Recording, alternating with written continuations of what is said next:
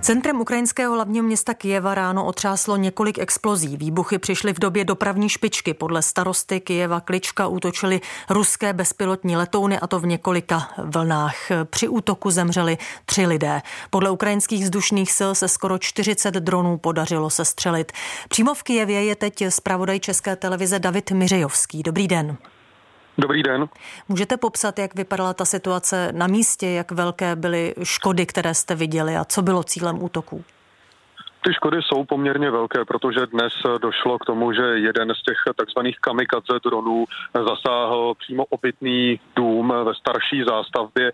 Šlo o dům, který měl původně tři, čtyři patra, jedna celá část toho domu se úplně zřítila. My jsme na místo dorazili ve chvíli, kdy tam ještě pracovali záchranáři. Musím říct, že skutečně s nasazením vlastních životů se snažili procházet ty trosky ještě vlastně ty trosky pod jejich nohama doutnaly, eh, nicméně snažili se zachránit eh, lidi, kteří tam byli uvězněni, měli v té chvíli informaci, že je tam minimálně jedna žena a muž. Bohužel oba dva tito lidé už byli prohlášeni za mrtvé. Jejich těla byla před malou chvílí vyzvednuta z těch trosek.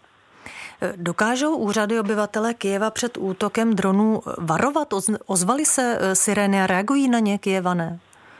Ano, samozřejmě ty sirény se ozývají, ozývají se velmi často, dokonce právě teď, v tuto chvíli. Tady opět je vyhlášen protiletecký poplach. Když se ale rozhlednu kolem sebe a jsem teď v samém centru metropole, tak vidím, jak se tady kolem mě procházejí skutečně desítky lidí.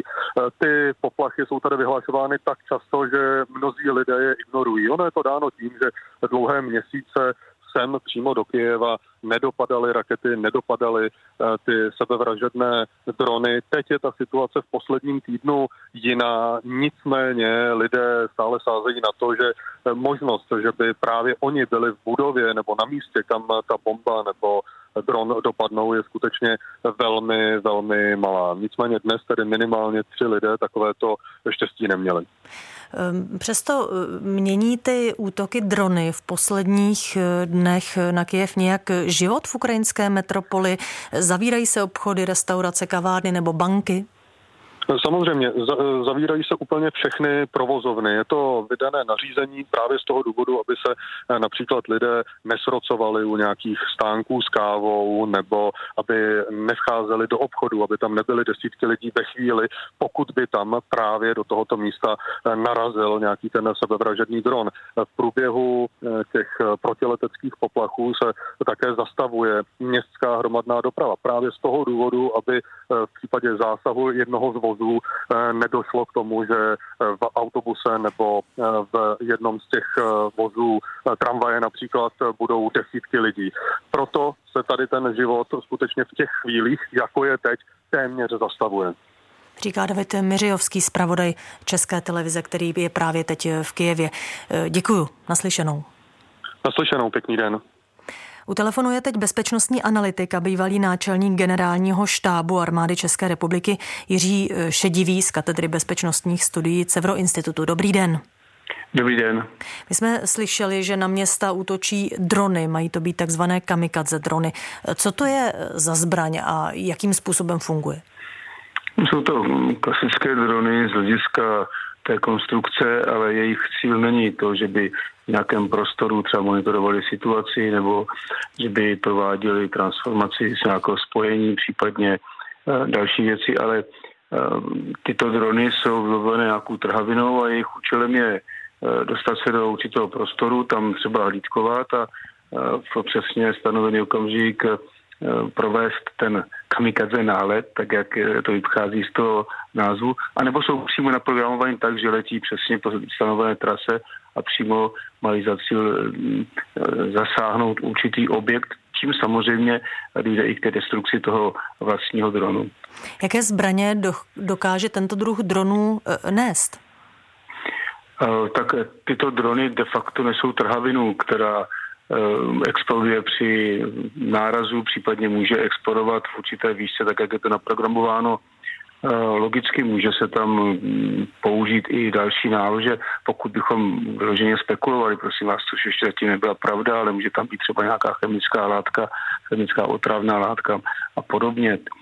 Jednoduše tenhle ten dron nahrazuje třeba, by se dalo říct, raketu, která nese také podobnou nálož, ale pochopitelně je to jiný nosič, kdežto tenhle ten dron, ten je mnohem, mnohem levnější než taková raketa a velmi často splní téměř stejnou roli jako raketa s hlavicí nižšího výkonu. A jak dobře ředitelný a jak přesný je tenhle druh zbraně? Mám na mysli přímo tento konkrétní, protože ty cíle, které ty drony zasahují, občas nevypadají, jako by byly chtěné, jako by to byly předem vybrané cíle.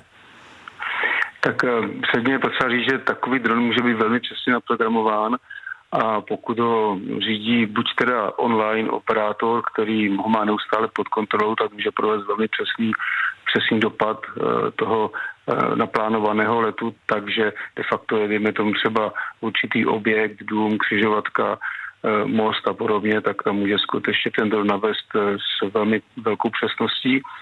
Máme ale také informace o tom, že řada těch ruských dronů především ruské výroby mm, byly nepřesné, neměly přesné navádění a tudíž jejich spad e, nebyl na ten cíl, který byl pravděpodobně původně e, zamýšlen. E, pokud se bavíme o dronech, které jsou vyráběny dokonce i v České republice, ale ve Spojených státech amerických, velmi často se mluví o tureckých, ale myslím, že každý stát už dneska produkuje nějaké podobné drony, taky jsou mnohem přesnější a tam si myslím, že nějaká zmílená nebo nepřesnost eh, nějakého většího eh, rozsahu tam je téměř nemožná.